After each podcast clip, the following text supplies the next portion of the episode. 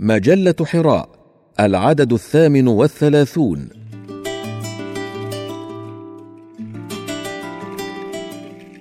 مؤتمر الإجماع والوعي الجمعي يؤكد على روح التوافق والإخاء بقلم عبد العزيز بن عمر. ظلت الأمة الإسلامية منذ قرون خلت تبحث في شغف عن ما يبرأها من أسقامها التي تنامت وتكاثرت وتكالبت عليها. فغدت كجمع من الناس تائه بين الفيافي والقفار يغدو يمنة ويسرة مبتغيا شربة ماء تنهي ظمأه وتبعث روحه فلا السراب ينجيه ولا القطرات المتناثرة تكفيه تكاد الأنفاس تتقطع والعزائم تخور فما له غير تآلف القلوب هدفا منشودا وتضافر الجهود عملا دؤوبا وتوجه بالدعاء المخلص للرحمن الودود. بصوت شجي نادى منادي التوافق والإجماع من بلاد الأناضول فهب أهل الهم الواحد من مشارق الأرض ومغاربها مستبشرين ملبين لبيك نداء المحبة لبيك نداء المودة لبيك نداء الإخاء. من ثمانين دولة جاءوا يتقدم الركب أكثر من ستمائة عالم يتبعهم أزيد من أربعة آلاف مشتاق قاصدين حضن تركيا الدافئ. ليشهدوا منافع لهم ويذكروا الله ويسرعوا الخطى إليه. إذ احتضن مركز المؤتمرات باسطنبول يومي السابع والعشرين والثامن والعشرين من أبريل عام 2013 للميلاد مؤتمرا دوليا عالميا حول موضوع الإجماع والوعي الجمعي. فقها وروحا وثقافة وسلوكا من تنظيم مجلتي حراء ويني أميت. افتتح المؤتمر في جو مهيب وجمع غفير يردد في خشوع صدى آيات الله تعالى الداعية إلى الوحدة ولم الشمل الناهية عن التفرق والتشتت والتنازع تلاها المقرئ رضا كوناي بنفس خاشعة ودموع حارقة. وفي مستهل الكلمات الافتتاحية لمنظم وضيوف المؤتمر اعتلى المنصة الدكتور اركون جابان مدير تحرير مجلة يني أميد. ليركز في كلمته على أن التحدث عن الإجماع اليوم يأتي في سياق ما أورده الله تعالى في كتابه الكريم في وصفه لخيرية الأمة إذ يقول تعالى كنتم خير أمة أخرجت للناس تأمرون بالمعروف وتنهون عن المنكر وتؤمنون بالله. سورة آل عمران الآية 110 فالإجماع هنا إجماع الأمة على الأمر بالمعروف والنهي عن المنكر. ويضيف الدكتور جابان أن للإجماع قيمة في حياة المسلم ودورا في تحديد هويته. فالمسلمون بحاجة ماسة اليوم إلى زرع ثقافة الإجماع في نفوسهم اولا وفي أوساطهم ثانيا. ثم اختتم المتحدث باسم مجلة يني أميت كلمته متوجها إلى الحاضرين مذكرا ومؤكدا على وجوب السفر في التاريخ وقطع المسافات بهدف الغوص في حياة الصحابة الكرام وحياة العلماء الأفذاذ والفقهاء المخلصين لاستخراج المعايير الأساسية في تأسيس فكر وثقافة الإجماع في الأمة. وفي نفس سياق يني أميت سارت حراء وغردت على لسان مشرفها العام الأستاذ نوزت صواش إذ عزف على أوتار قلوب الحاضرين حين رحب بهم أجمل ترحيب ونثر عبارات الشكر والامتنان وردا فوق رؤوسهم. استعرض الأستاذ نوزاد في بداية كلمته حال الأمة الإسلامية والأزمات المتعددة التي ترسم ملامحه متسائلا عن الحلول التي من شأنها أن تغير حاله إلى الأحسن. فأكد على أن الإجماع والاجتماع والتوافق والانسجام حل لا بديل عنه. فلتجتمع ألسنة هذه الأمة وقلوبها على الدعاء ولتتناغم جهودها في الإصلاح. فالربيع لا يتجلى في وردة واحدة وإنما في زهور وورود متجاورة متناسقة.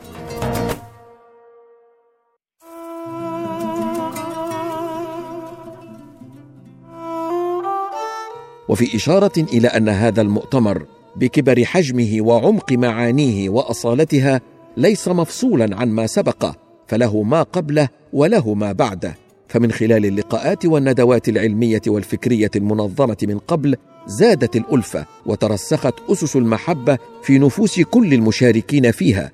فهذا هو الأصل وهذا هو المنبع الذي منه تنبثق الجهود السديدة وبه تنبت الأصول الخيرة. فالإنسانية بحاجة إلى قلوب لينة رحيمة وأياد تخفف معاناتها وتأخذ بها إلى دوحة الإخاء والتآلف. وفي أولى المداخلات للعلماء الحاضرين منحت الكلمة للدكتور أحمد عبادي الأمين العام للرابطة المحمدية للعلماء بالمملكة المغربية فشكر الله تعالى وحمده وأثنى على منظمي هذا الحدث المشهود الذي من شأنه أن يخرج أصلا ثابتا في أصول الشريعة الإسلامية إلى حياة الناس لينهي ما بينهم من فرقة واختلاف فجذوره الأصل تبدأ من القلوب إذا تطهرت وتزكت لتثمر ثمار التوافق والمحبة. وتناول الدكتور عبادي بالشرح جملة من الدواعي التي تفعل الإجماع وترسخ الوعي الجمعي وهي أربعة. واحد. الداعي البرهاني. فكيف لأمة متفرقة متشرذمة أن تقنع الغير بخيريتها وأفضليتها؟ فعلى المسلمين اليوم أن يوحدوا كلمتهم ليكون لصوتهم صدى في الآفاق وفي قلوب الناس. اثنان الداعي التشريعي. يفيد الوجوب لأن الآيات القرآنية تأمر بالإجماع وتدعو إليه في أكثر من موضع. ثلاثة الداعي الواقعي. فهناك على رقاب الأمة سيوف مسلطة تتمثل في قضايا اجتماعية وحضارية حارقة لا بد من تفكيكها وتحليلها والوصول إلى حلول عملية تخمد لهيبها المتواصل.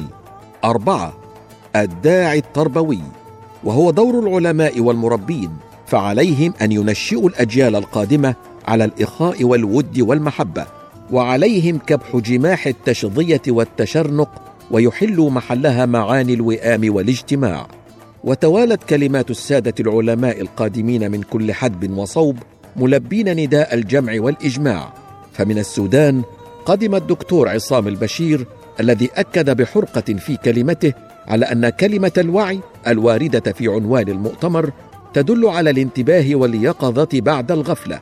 وبالتالي فإن الوعي بالإجماع يأتي تحقيقا لمفهوم الأمة الشاملة التي تنشد الوحدة وتعتبر التعددية والتنوع من منطلق قاعدتين هما وحدة الخالق وتعدد الخلق.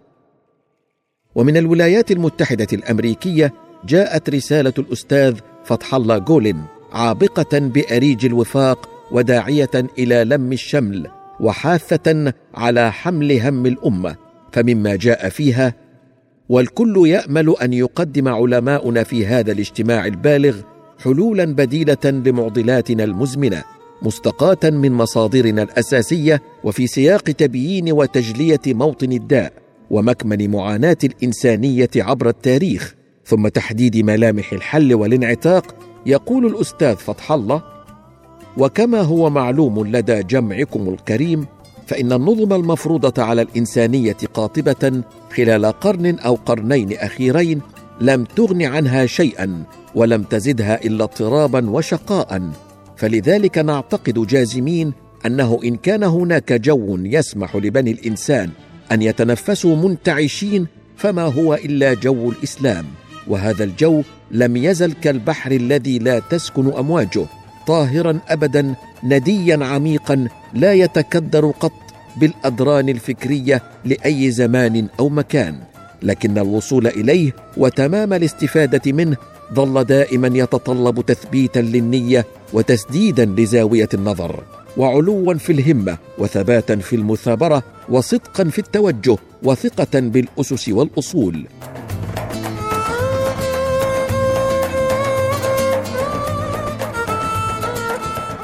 وعن التناول الأمثل للمصادر الأساسية في التشريع الإسلامي والاستفادة منها وتفعيلها في حياة الإنسان المسلم يقول الأستاذ فتح الله وإني شخصيا أعتقد جازما بأننا إذا تناولنا مصادرنا الأصلية والفرعية لثقافتنا من القرآن والسنة والإجماع والقياس والاستحسان وغيرها واستفدنا منها على غرار المخاطبين بها في القرون الأولى فإننا سنتغلب على كثير من معضلات عصرنا المستعصية على الحل وستنكسر كثير من أمواج الأزمات والدواهي المتلاطمة التي تنتظرنا في المستقبل أو ستتلاشى أضرارها في أقل تقدير.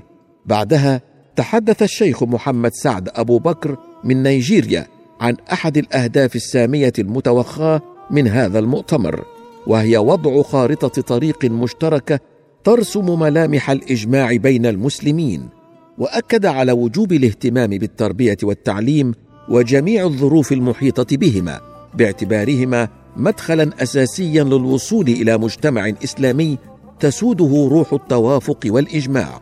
وشد على يده الشيخ العالم راشد الغنوشي من تونس في رسالة بعثها للحاضرين. قرأها بالنيابة عنه الدكتور عبد الحميد النجار إذ بين فيها أهمية توسيع المساحة الدلالية للإجماع. لكي لا يبقى حبيس التفسيرات والدلالات الفقهية فحسب ونوه إلى أن الجهود المباركة التي سيبذلها العلماء في المؤتمر وبعده هي التي ستعيد الأمل للأمة الإسلامية وتبعد الفرقة عنها والتشتت بل وتدفع بها إلى الفعل الحضاري إن شاء الله. من الهند إلى سلطنة عمان ومن ثم إلى أفغانستان انتقل الحاضرون بانتباههم وتركيزهم بين كلمات العلماء إذ تحدث الشيخ الدكتور أبو القاسم النعماني رئيس الجامعة الإسلامية دار العلوم في الهند عن أهمية الإجماع في حياة الأمة مقدما أمثلة من عصر الخلفاء وحياة الصحابة. وأكد الشيخ أحمد بن حمد الخليلي مفتي سلطنة عمان على وجوب التكامل والتعاون ولو أوان الاختلاف وأنه لا مجال ولا وقت اليوم للتنافر والتناحر والتشتت. فعلى الأمة أن تحرص على الوحدة كحرصها على التوحيد. وأن تلتزم الأمر بالمعروف والنهي عن المنكر فذلك التزام بالهدى والوحدة. ثم تبعه الدكتور يوسف نيازي وزير الإرشاد والحج والأوقاف من أفغانستان بكلمة أكد فيها على أن الأمة الإسلامية إذا اجتمع علماؤها فإنهم يجتمعون بغية الخير والسداد لا للغي والضلال. وبعد جولة فكرية جابت البلاد العربية ممثلة في أكبر علمائها شدت الرحال عودة إلى تركيا لتستقر عند كلمات الدكتور محمد كورمز رئيس الشؤون الدينية التركية.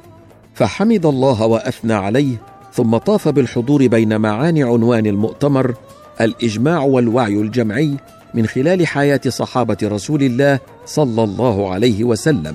فبين أن إجماع الصحابة فيه الكثير مما يمكن دراسته واتخاذه نموذجا. فمرجع أمور المسلمين في عصر الصحابة كان للإجماع إذ كانوا رضي الله عنهم أجمعين يعيشون المقصد والمبتغى من قول الله تعالى وكذلك جعلناكم أمة وسطا سورة البقرة الآية الثالثة والأربعون بعد المئة. أي الأمة المركز؟ الأمة التي تشكل نقطة توازن دولي بين جميع الأمم وبين للحاضرين أن التحلي بالوعي الجمعي يمكنهم من دراسة الكثير من القضايا الحساسة في حياة البشر اليوم. إلى هنا تبين للحاضرين أثناء تجوالهم من كلمة افتتاحية إلى أخرى المعاني العامة لمفهوم الإجماع وأبعاد الوعي الجمعي لتأتي المحاضرة الافتتاحية للدكتور علي جمعة مفتي الديار المصرية السابق لتزيح الغموض عن بعض القضايا المحورية المتعلقة بموضوع المؤتمر من حيث دلالة المصطلح وأبعاد توظيفه وتفعيله فأورد فيها أن الإجماع ممتلك للحجية والمصدرية ما دام محتواه متصفا بالاتفاق التام بين المجتهدين. أما ان شابه بعض الاختلاف من بعضهم فإنه يتحول من المصدرية إلى الاستئناس. والشرط الأساسي في هذا الاعتبار أن يكون الرأي مبنيا على العلم والاجتهاد. لا عن جهل وادعاء.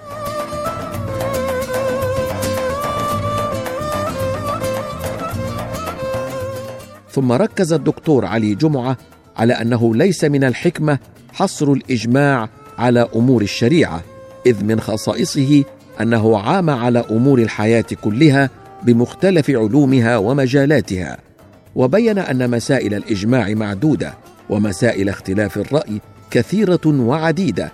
فللحفاظ على وحدة الأمة وجب احترام الرأي المخالف لأنه غالبا ما يكون الاختلاف في الأمور المتغيرة لا في الثابت منها. بعد استراحة للتواصل والتعارف والتلاقي فالمشاريع الحضاريه تولد من رحم العلاقات الوطيدة والمحبة القلبية الصافية عاد المشاركون ليشهدوا بداية الجلسة العلمية الأولى برئاسة الدكتور علي برداك اوغلو رئيس الشؤون الدينية السابق من تركيا ويشارك فيها كل من الأساتذة الأفاضل الدكتور إبراهيم كافي دونمز رئيس جامعة 29 مايو بإسطنبول بمحاضرة تحمل عنوان أصل الإجماع ومكانته بين الأدلة الشرعية والدكتور محمد كمال إمام من جامعة الإسكندرية بمصر بمحاضرة حول عصمة الأمة باعتبارها مؤسسة لثقافة الإجماع والدكتور يونس أبايدن من جامعة أرجياس كلية الإلهيات بتركيا بمحاضرة عن الإجماع باعتباره آلية للرقابة الشرعية وتمحورت محاضرات الجلسة العلمية الأولى على أهمية الإجماع ومدى تأثيره حتى في تفاصيل حياة المسلمين لأنه جزء من البنيان الحضاري للأمة الإسلامية. فلا يمكن بناء حضارة متكاملة إلا إذا كان للإجماع مكانة كبرى في نفوس علماء الأمة وفي أفعالهم وأنه لا مناص من التمكين للإجماع مؤسسيا. فعصرنا هذا عصر مؤسسات وعمل جماعي لا عصر العبقرية الفردية والرجال الخارقين. ثم ترأس الجلسة العلمية الثانية الدكتور حمزة أكتان الرئيس السابق للهيئة العليا للشؤون الدينية في تركيا. وحاضر فيها كل من الأساتذة الدكتور طالب ترجان من جامعة سليمان ديميريل كلية الإلهيات بتركيا بمحاضرة موسومة بأهمية ومكانة إجماع الصحابة والدكتور بشير كوزوبانلي من جامعة أتاتورك كلية الإلهيات بتركيا في محاضرة بعنوان تطبيقات الشورى والإجماع في النموذج العمري. وأخيرا الدكتور محمد المختار الشنقيطي من كلية الدراسات الإسلامية بمؤسسة قطر بمحاضرة حول إجماع الصحابة مؤسسا للإجماع المنشود اليوم. إذ غاص كل من الحاضرين في هذه الجلسة العلمية في حياة الصحابة واستخرجوا منها المعاني والعبر محاولين إسقاطها وتكييفها بما يتوافق نظريا على الأقل مع مقتضيات العصر. إذ أورد الدكتور طالب ترجان أن الإجماع هو وضع لمعايير حدية في فهم المصادر الأساسية من قرآن وسنة إذ لا يمكن تجاوزها أو تجاهلها. وبين الدكتور بشير كوزوبانلي أن عصر عمر بن الخطاب رضي الله عنه تميز بالشورى والإجماع إذ كان يعتبر استشارة الصحابة في القضايا الأساسية والمصيرية للأمة الإسلامية. ولفت الدكتور محمد الشنقيطي انتباه الحاضرين إلى أنه تم التركيز كثيرا في الدراسات التي تتناول الإجماع موضوعا على الخليفة الراشد لكن غالبا ما يتناسى المجتمع الراشد مبينا وموضحا أن من صفات المجتمع الراشد ما سماه بالتآمر أي التحكم في خيارات الأمير والمساهمة في صنعها. انقضى اليوم الأول من المؤتمر فافترق الجمع حاصدين من ثمار التوافق والإجماع حبا ومودة وفكرا متوافقا في أصوله ومبادئه مبتغين تحقيق أفعال حضارية ولودة تساهم في رأب ما بالأمة الإسلامية من صدع وتضيء بصيص أمل من شأنه أن يوقد شمعة الأمل في نفوس بشر حائرين.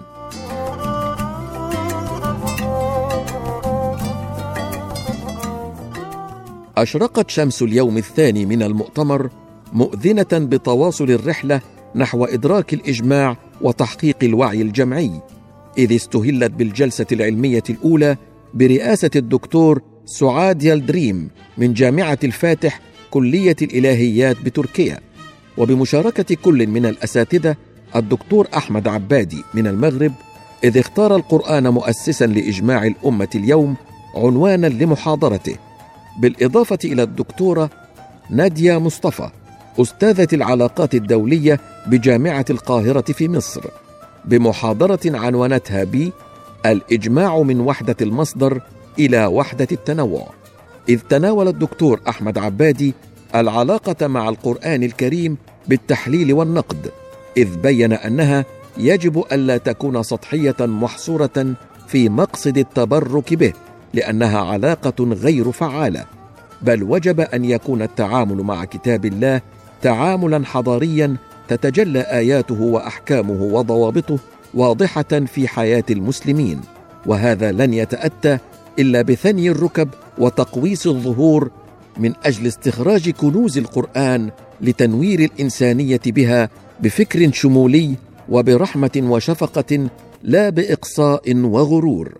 وواصلت الدكتورة نادية مصطفى في نفس السياق إذ بينت أن القرآن الكريم يورد التعدد والاختلاف باعتباره أصلا في الكون وفي البشرية لذا فإن الاجتهاد والمرونة أمران تابعان لذلك بل وحتميان. وبعد استراحة قصيرة تواصلت أشغال المؤتمر في جلسته العلمية الثانية التي ترأستها الدكتورة نادية مصطفى وشارك فيها كل من الأساتذة الدكتور سيف الدين عبد الفتاح من مصر بمحاضرة عنوانها مؤسسة الإجماع الشورى والديمقراطية. والدكتور سمير بودينار مدير مركز الدراسات الإنسانية والاجتماعية بوجدة المغرب بمحاضرة عن منظومة القيم والبناء المجتمعي للإجماع. ثم الدكتور عبد الحكيم يوجه عميد جامعة جلال بيار كلية الإلهيات تركيا. بمحاضرة عن ثقافة الإجماع والبعد العرفاني. فاتفق المحاضرون على أن الأمة بحاجة للخروج بالإجماع من الضيق الفقهي إلى رحابة التفسير الشمولي على أن يعالج الموضوع في إطارين مقاصدي وقيمي كما يوضح الدكتور سمير بودينار. هذا وقد ترأس الجلسة العلمية الأخيرة الدكتور حمدي دوندورن من جامعة الفاتح كلية الإلهيات تركيا. ونشطها الدكتور عبد الحميد مذكور من جامعة القاهرة كلية دار العلوم مصر متحدثا عن فقه الائتلاف في ظل واقع متعدد المرجعيات. والدكتور عبد المجيد النجار الأمين العام للمجلس الأوروبي للإفتاء بموضوع تحت عنوان مراعاة السياق وأثره في فاعلية الإجماع. وأخيرا الدكتور محمد بابا عمي مدير معهد المناهج بالجزائر بمحاضرة تحت عنوان نحو جيل الإجماع. فبين الدكتور عبد الحميد مذكور أن التعصب المذهبي والفرقة الدينية تهديد لهذا الأصل العظيم في الشريعة الإسلامية فأمر الرسول صلى الله عليه وسلم بالتزام الجماعة لا يعني اجتماع الأبدان بل الالتزام بالنسق الحضاري الموحد ذي الهدف الواضح. وتطرق الدكتور عبد المجيد النجار إلى أسس التشريع وسن القوانين التي تعتبر الإجماع ركنا اساسيا فيها. فوضح أنه وجب أن تصطبغ بصبغة الأحكام الشرعية الشاملة لأن الحياة تؤخذ في كلياتها لا تجزيء فيها ولا تفريق بين المجالات. وعرج الدكتور محمد بابا عمي من الجزائر إلى ما يرومه كل حامل لهم الأمة وساع من أجل اجتماعها وتوافقها. فرسم ملامح جيل الإجماع المستقبلي. فلا مفر ولا مناص من الاهتمام بالجيل الناشئ الذي سيطبق الإجماع فعلا وسلوكا لا كلاما وتنظيرا. فمن غيرنا يمسح دمعة طفل يئن تحت وطأة الجوع والحرب ومن سوانا يعلي راية المحبة والمودة والتوافق. إننا إن لم نفعل لا معنى لحديثنا عن الإجماع فلنحرص على أن نكون سببا في مستقبل التمكين لهذا الدين تفاديا للعذاب الأليم. ولنتق الله ولنقل قولا سديدا. بالدعوة القلبية الخالصة لتقوى الله وابتغاء السداد في القول والعمل اختتمت الجلسات العلمية لمؤتمر الإجماع والوعي الجمعي. وآنت لحظات انتهاء رحلة الفهم والوعي والتداول العلمي والجلسات العلمية الفكرية. توجتها الجلسة الختامية التي تلي فيها البيان الختامي للمؤتمر الذي ضم خطوات وتوصيات عملية تفعل موضوع المؤتمر ميدانيا إذ يسعى القائمون على تحقيقها إلى وضع اللبنات الأولى لترسيخ ثقافة الإجماع تنشئة وتربية ودعوة وسلوكا وتكون نقطة التقاء آراء المفكرين واجتهادات العلماء والفقهاء من شتى أقطار العالم الإسلامي. بدموع التضرع إلى الله وبأنفاس الحب التي ترافق كل شهقات وزفرات الداعين وبعزائم السائرين في سبيل رفع راية السلام في العالمين اختتم المؤتمر شكلا على أن تبقى معانيه وروحه تسري في النفوس فعلا يتجسد شعاعا يرشد الأمة وينقذها من ربقة الانشقاق إلى آفاق الاتفاق.